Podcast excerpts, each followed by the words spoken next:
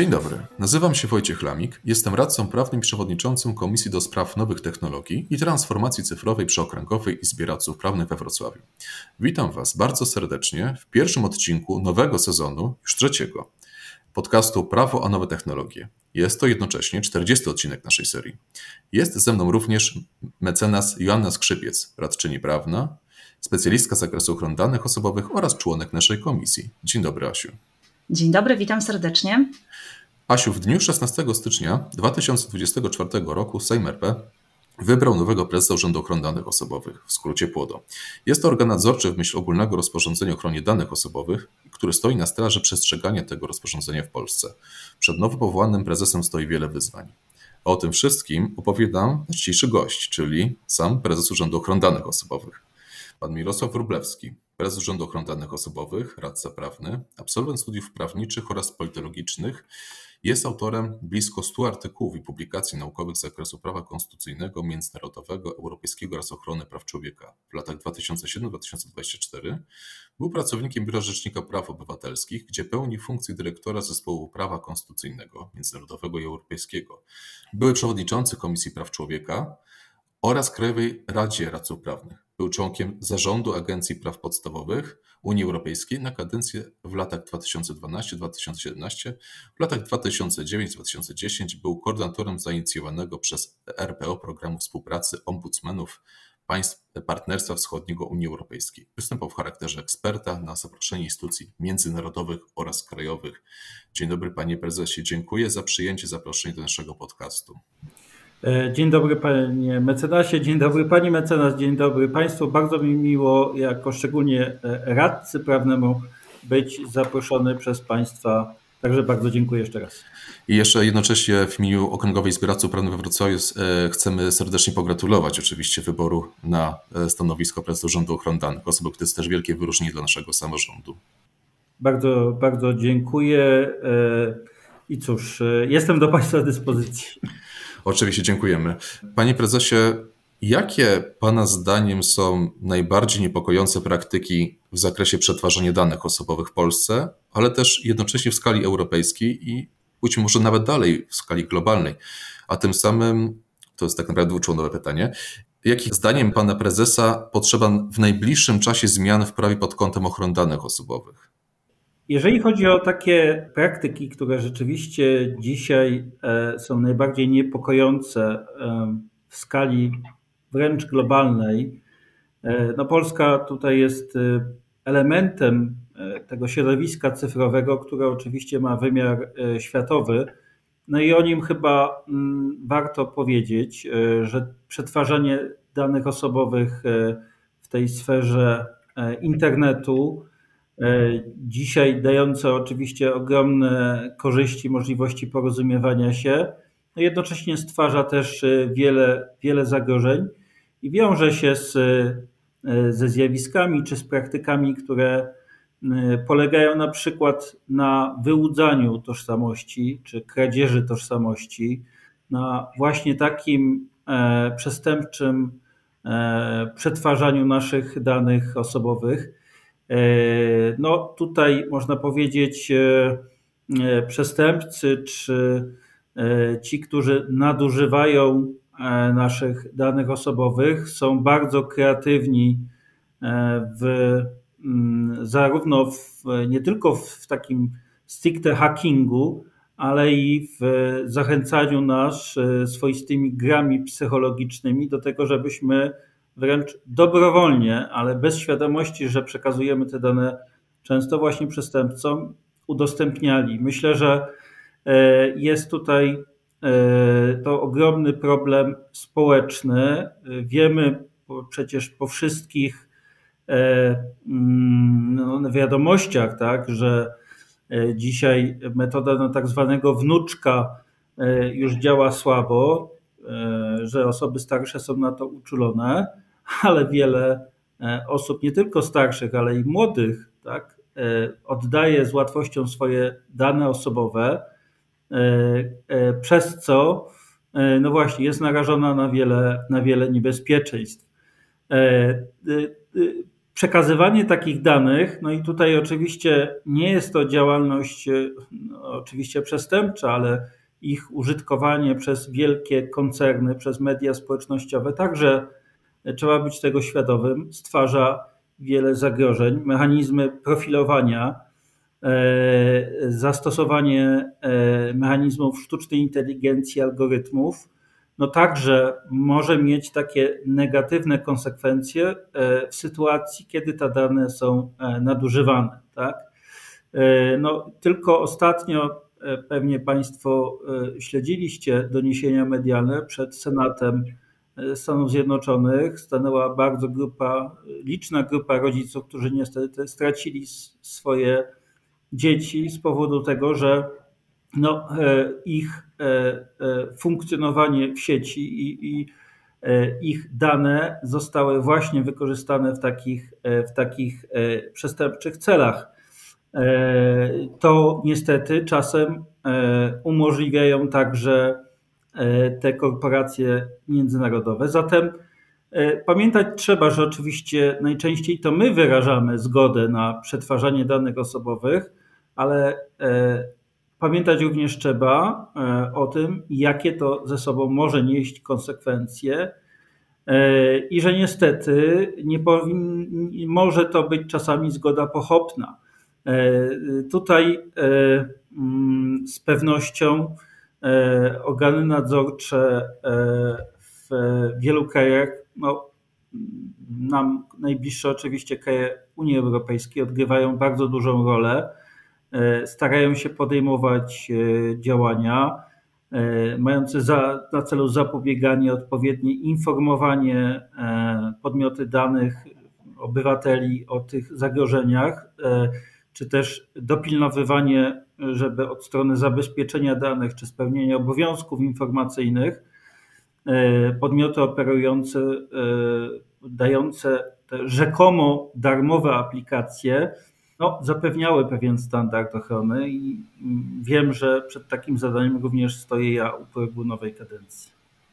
Skoro jesteśmy już przy temacie zagrożeń e, dla osób, których dane dotyczą, chciałam zwrócić uwagę na jeden temat. 1 czerwca instytucje takie jak banki czy telekomy będą zobowiązane do korzystania z rejestru zastrzeżeń numerów PESEL. Czy w Pana ocenie problem kradzieży tożsamości zejdzie na dalszy plan, a może wręcz przeciwnie? Możliwość zastrzeżenia numeru PESEL uśpi czujność administratorów i podmiotów danych. No oczywiście to pytanie jest e, e, bardzo ciekawe z tego względu, że e, zaszczeganie numeru PESEL oczywiście nie jest w stanie rozwiązać wszelkich problemów. To jest jeden z elementów oczywiście bardzo ważnych, no ale nie jedyny, który tworzy naszą tożsamość. To po pierwsze. Po drugie, rzeczywiście E, administratorzy no nie powinni e, i nie mogą tutaj stwierdzić, że e, zwolnieni są z realizacji obowiązków, dlatego że organy państwa wprowadziły taki, taki mechanizm i są zobowiązane do zapewnienia wszelkich technicznych i organizacyjnych rozwiązań mających na celu właściwe zabezpieczenie danych osobowych. Ten obowiązek ja tu nawiążę do pierwszego też pytania, jeszcze wcześniejszego pytania pana mecenasa. E, no, przynoszą nowe rozwiązania europejskie, bo e, mówiąc o, o tej na przykład sztucznej inteligencji, wiemy, że jesteśmy dosłownie kilka dni po akceptacji aktu o sztucznej inteligencji rozporządzenia Parlamentu Europejskiego i Rady przez Koreper, czyli Komitet Stałych Przedstawicieli mm, Państw Członkowskich przy Unii Europejskiej, a tam zawarte są właśnie te rozwiązania, które mają na celu uniknięcie tych zagrożeń wynikających z e, właśnie z nieprawidłowego przetwarzania danych osobowych, e, z dyskryminacyjnych, potencjalnych stronniczych skutków przetwarzania danych, E, i konieczności zapewnienia przez e, twórców, dostawców e, algorytmów odpowiedniej jakości danych, które będą używane do trenowania algorytmów, ich walidacji, a potem, a potem działania. Unia Europejska no, dosłownie jesteśmy tydzień przed wejściem, rozpoczęciem stosowania aktu o usługach cyfrowych, tak? Z kolei nakładających nowe obowiązki na dostawców usług elektronicznych. A więc e, te zmiany w prawie, o których też e, pan e, mecenas pytał, no one w dużej mierze dzisiaj przechodzą do nas z Unii Europejskiej i jesteśmy zobowiązani te rozwiązania wdrażać. No tak, żeby zapewnić nie tylko i wyłącznie właśnie dobre funkcjonowanie rynku, ale także e, e, chronić podstawowe prawa jednostek. Ale to też jednocześnie jest chyba tego typu spór, że mm, tak do końca prawo nigdy nie dąży za e, rozwojem nowych technologii. To jest taki niekończący się na swój sposób wyścig. Tak, jest to rzeczywiście trafna uwaga. Dlatego Unia Europejska stara się, to się udaje mniej lub gorzej, od co najmniej rozporządzenia ogólnego o ochronie danych osobowych stanowić te przepisy z założeniem neutralności technologicznej, to znaczy jednocześnie oczywiście, tak jak w przypadku aktu sztucznej inteligencji, odpowiadającej na nowe, na nowe wyzwania, ale także e, mm, no, zakładające, że te przepisy nie będą się zmieniały co chwilę na skutek zmian technologicznych. Albo też wprowadzone są rozwiązania, które e, pozwolą właśnie na przykład Komisji Europejskiej e, na e, już szybszą ścieżką legislacyjną przez przyjmowanie rozporządzeń wykonawczych,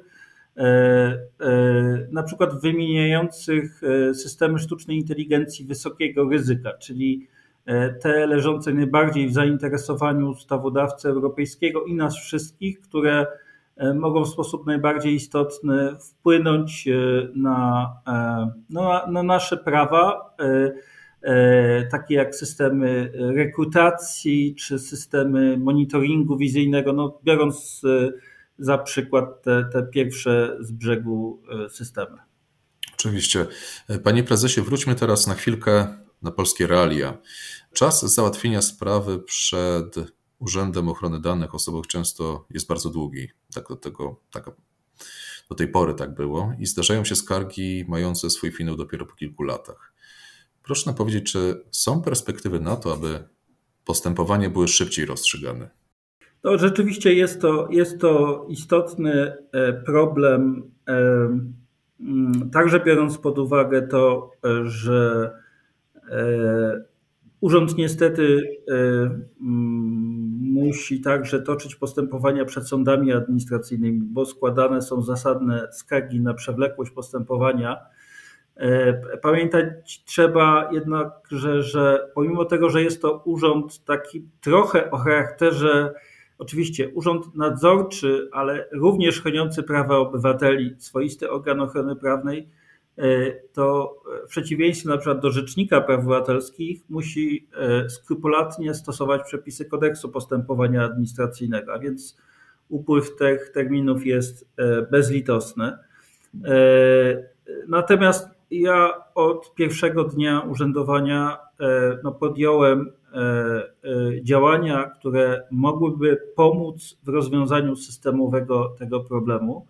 I patrzę na to z dwóch e, perspektyw. To znaczy, z jednej ze strony wzmocnienia zdolności urzędu do szybkiego, e, szybszego rozpatrywania e, takich spraw i prowadzenia postępowań, które można oczywiście próbować zrealizować różnymi środkami poprzez wprowadzenie pewnych zmian w samym urzędzie E, ale także podczas, no ale mm, mówiąc krótko, e, mm, e, próbę podjęcia działań mających na celu wzmocnienie urzędu. Tutaj jednak zawsze jak do tanga trzeba dwojga i potrzeba decyzji także ze strony ustawodawcy, tak, przede wszystkim ze strony parlamentu, żeby zwiększyć budżet urzędu tak, ażeby możliwe było na przykład skierowanie większej ilości pracowników i wzmocnienie, przyspieszenie rozpatrywania tego typu skarg. To jest oczywiście rozwiązanie, o które na pewno będę także, także zabiegał. Mam nadzieję, że w części ten, co najmniej ten problem uda się rozwiązać. Natomiast trzeba być świadomym, że przed urzędem jednocześnie także stoi zadanie, no właśnie wspominaliśmy, zadanie wdrożenia, wdrażania nowych przepisów E, we wszystkich tych rozwiązaniach przewidywana będzie mniejsza lub większa rola Urzędu Ochrony Danych Osobowych. E, dlatego ta druga perspektywa to jest perspektywa z kolei e, edukacji, wzmocnienia, wzmocnienia świadomości.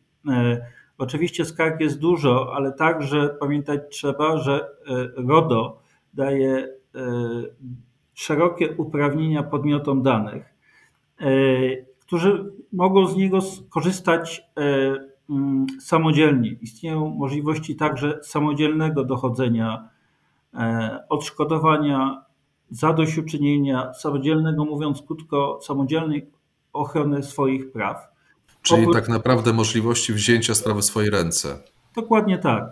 I będziemy, będę chciał, żeby o tych możliwościach informować jak najszerzej wskazywać, pomagać w tym zakresie, e, tak ażeby, y, no nie wiem, czy to jest oczywiście możliwe, ta ilość skarg y, może kiedyś w przyszłości uległa zmniejszeniu. E, także chodzi tutaj o kwestię też działania samych administratorów i podmiotów przetwarzających. Jeżeli oni będą lepiej chronić e, prawa e, podmiotów danych, gwarantować lepszy standard ochrony danych osobowych, no to zmniejszamy ryzyko e, wnoszenia skarg. Więc te wszystkie działania muszą być podejmowane przez nas równocześnie. To się nie zmieni z roku na rok. Podejrzewam, że to jest zadanie wykraczające znacznie nawet poza moją kadencję, ale no chciałbym, żebyśmy zaczęli w tym kierunku działać. Czy rozważa Pan utworzenie delegatur, podobnie jak w Urzędzie Komunikacji Elektronicznej albo Urzędzie Ochrony Konkurencji i Konsumentów? Powiem tak, ja e, śledziłem przez blisko 20 lat e, e, starania dotychczasowych rzeczników praw obywatelskich utworzenia nowych oddziałów, które zakończyły się niepowodzeniem. Nigdy Sejm nie zdecydował się na utworzenie takich urzędów dodatkowych poza jednym ośrodkiem e, w Katowicach. No ale to jak widać zdarza się raz na 20 lat. Ja tyle czasu mieć na pewno nie będę mieć. Zatem e, e, e, myślę, że to nie powinno być takim podstawowym celem, natomiast moim celem będzie zwiększenie obecności urzędu w, e, w tych miejscach polskich, w których jest to potrzebne a to jest dzisiaj możliwe lepiej za pomocą różnych technik cyfrowych. Chcę, będę chciał, żeby zwiększyć dostępność e, urzędu, e, także e, poprzez zwiększenie jego mobilności. Pierwszą swoją taką wizytę złożyłem i odpowiedziałem na zaproszenie pana profesora Marcina Wiązka, Rzecznika Praw Obywatelskich. Rozmawialiśmy między innymi o inicjatywie, którą ja miałem okazję uruchomić kilkanaście lat temu w biurze RPO, takich E, e, regularnych, cyklicznych przyjęć e, interesantów w różnych miejscach w Polsce dzięki współpracy na przykład z jednostkami samorządu terytorialnemu. No, mam nadzieję, że będzie możliwe, żeby pracownicy Urzędu Ochrony Danych Osobowych częściej wyjeżdżali w teren. No i to powinno zbliżyć urząd i ochronę danych osobowych także do, do obywateli. I tego typu inicjatywy będę, będę podejmować. Natomiast e, jeżeli pojawi się e, możliwość uzyskania dodatkowych środków, no to na pewno będę wzmacniał wówczas te, e, te inicjatywy. Mhm. Panie prezesie, chciałem jeszcze nawiązać do pewnego mitu, jaki jest związany ze stosowaniem RODO. Mianowicie, jakie zdaniem pana prezesa jest znaczenie nakładania kar administracyjnych na administratorów i podmioty przetwarzające. Czy jest to ostateczny środek celu ochrony danych osobowych? Y, bo zdajemy sobie doskonale sprawę, że to są dość wysokie kary, jeśli chodzi o ten maksymalny pułap, i tak naprawdę RODO jako akt prawny zrobiło karierę w szerszej świadomości społecznej właśnie przez to, że wielu przedsiębiorców po prostu poczuło się zagrożonych, że ich działalności mogą zostać, no nawet nazywając imieniu, zmiecione tak, przez tego typu rozmiary kar. Ale z dotychczasowych sprawozdań Prezesa Urzędu Ochrony Danych Osobowych wynika, e, z tych zeszłych lat oczywiście, że ten środek nie był nakminnie stosowany.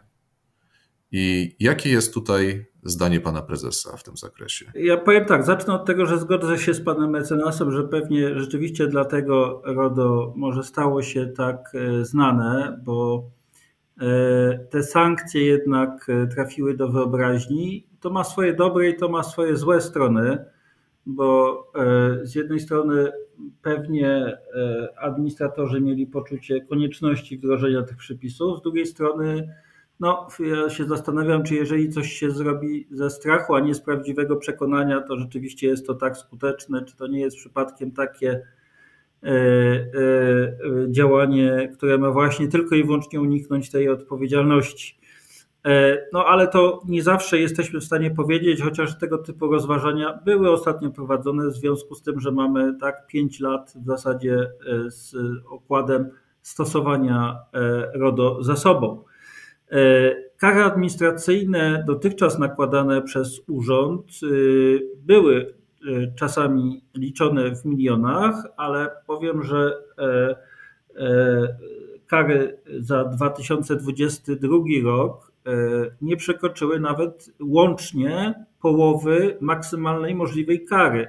Więc widać, że to są kary może mm, bardzo wysokie w stosunku do konkretnych administratorów, natomiast wciąż nie jest to e, jakiś e, no taki młot, który by tutaj wywołał spustoszenie wśród administratorów.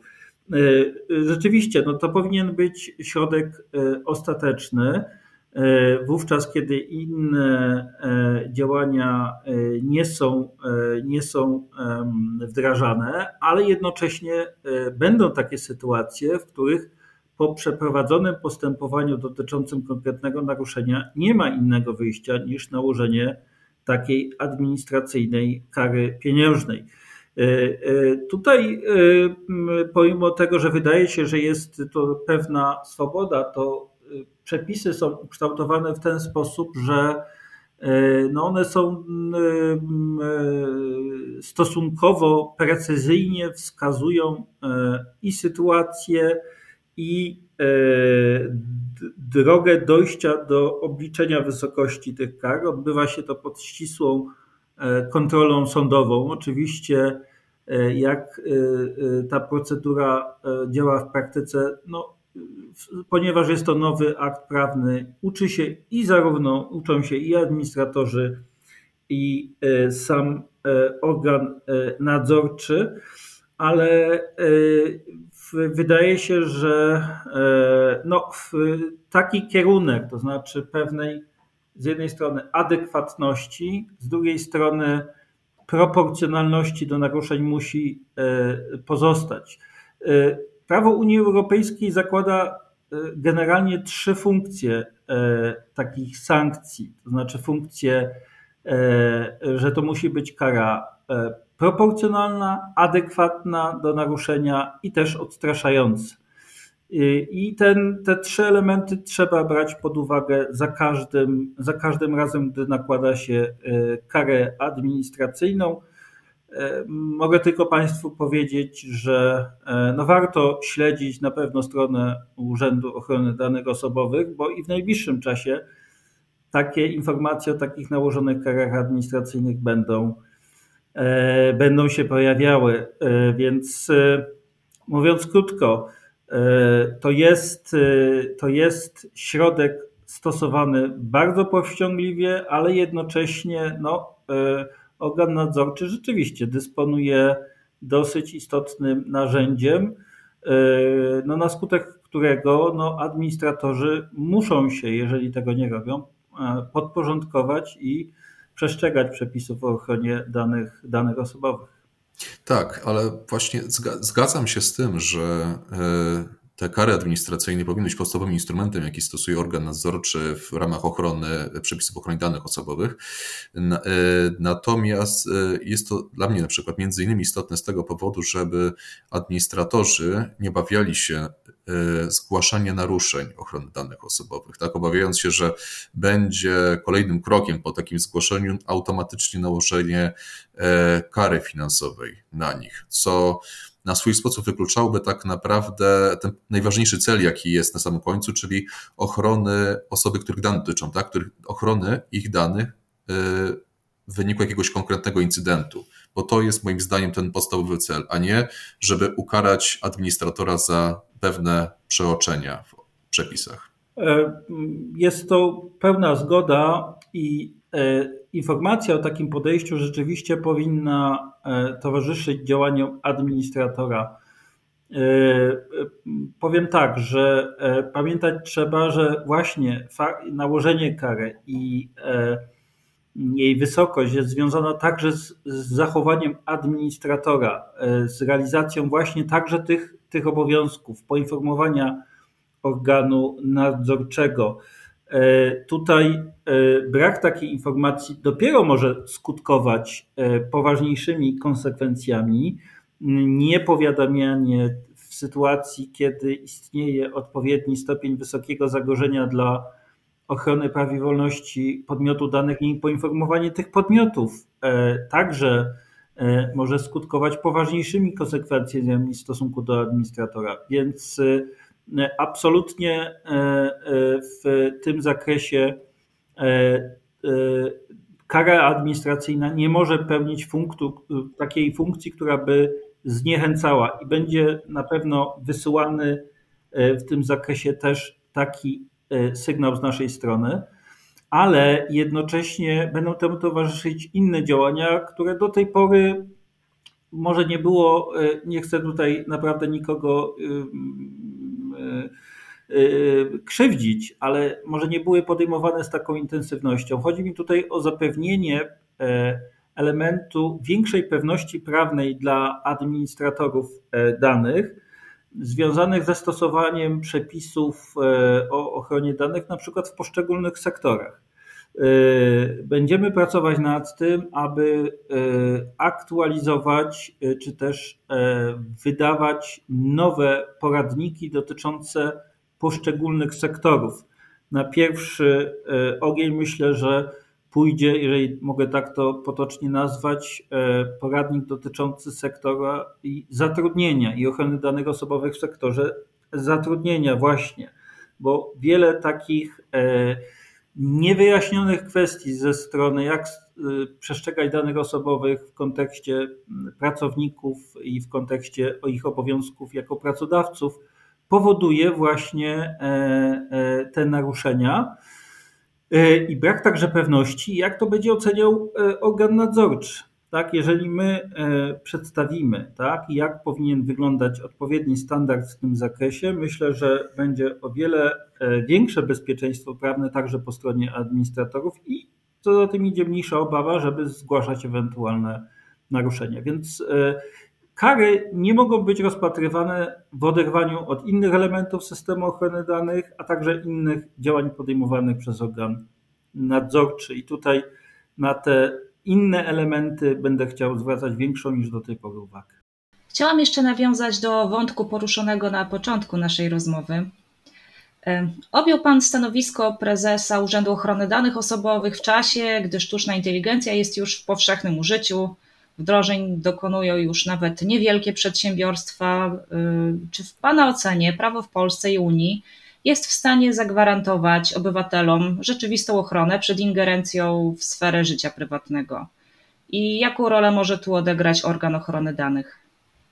No, rzeczywiście wydaje się, że e, bez tych rozwiązań europejskich trudno mówić o tym, że nasz polski system prawny jest do tego przygotowany.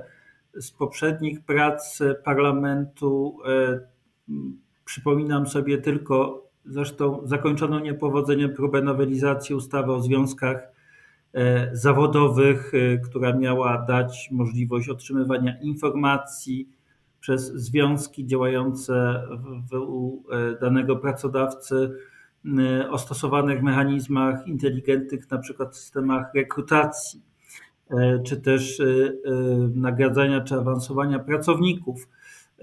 To, był bardzo, to była bardzo drobna nowelizacja, nawet tu nie pokusił się ustawodawca, pewnie wiedząc o tym, że no, w Unii Europejskiej toczą się zaawansowane prace, nie tylko nad zresztą aktem o sztucznej inteligencji, rozporządzeniem, które będzie stosowane w Polsce i we wszystkich państwach członkowskich bezpośrednio, ale i także nad towarzyszącymi mu aktami, takie jak na przykład dyrektywa o odpowiedzialności za szkody wyrządzone przez sztuczną inteligencję, e, która jest ważnym aktem prawnym, bo ona e, skupiając się na e, istniejących w państwach systemach odpowiedzialności na zasadzie winy, no, w jakiś sposób jest pewnym kompromisem pomiędzy tym, że by dać szansę przedsiębiorcom europejskim na wprowadzenie innowacyjnych rozwiązań. Wiemy, że tutaj Europa jest w tyle i za Stanami Zjednoczonymi, i za Chinami.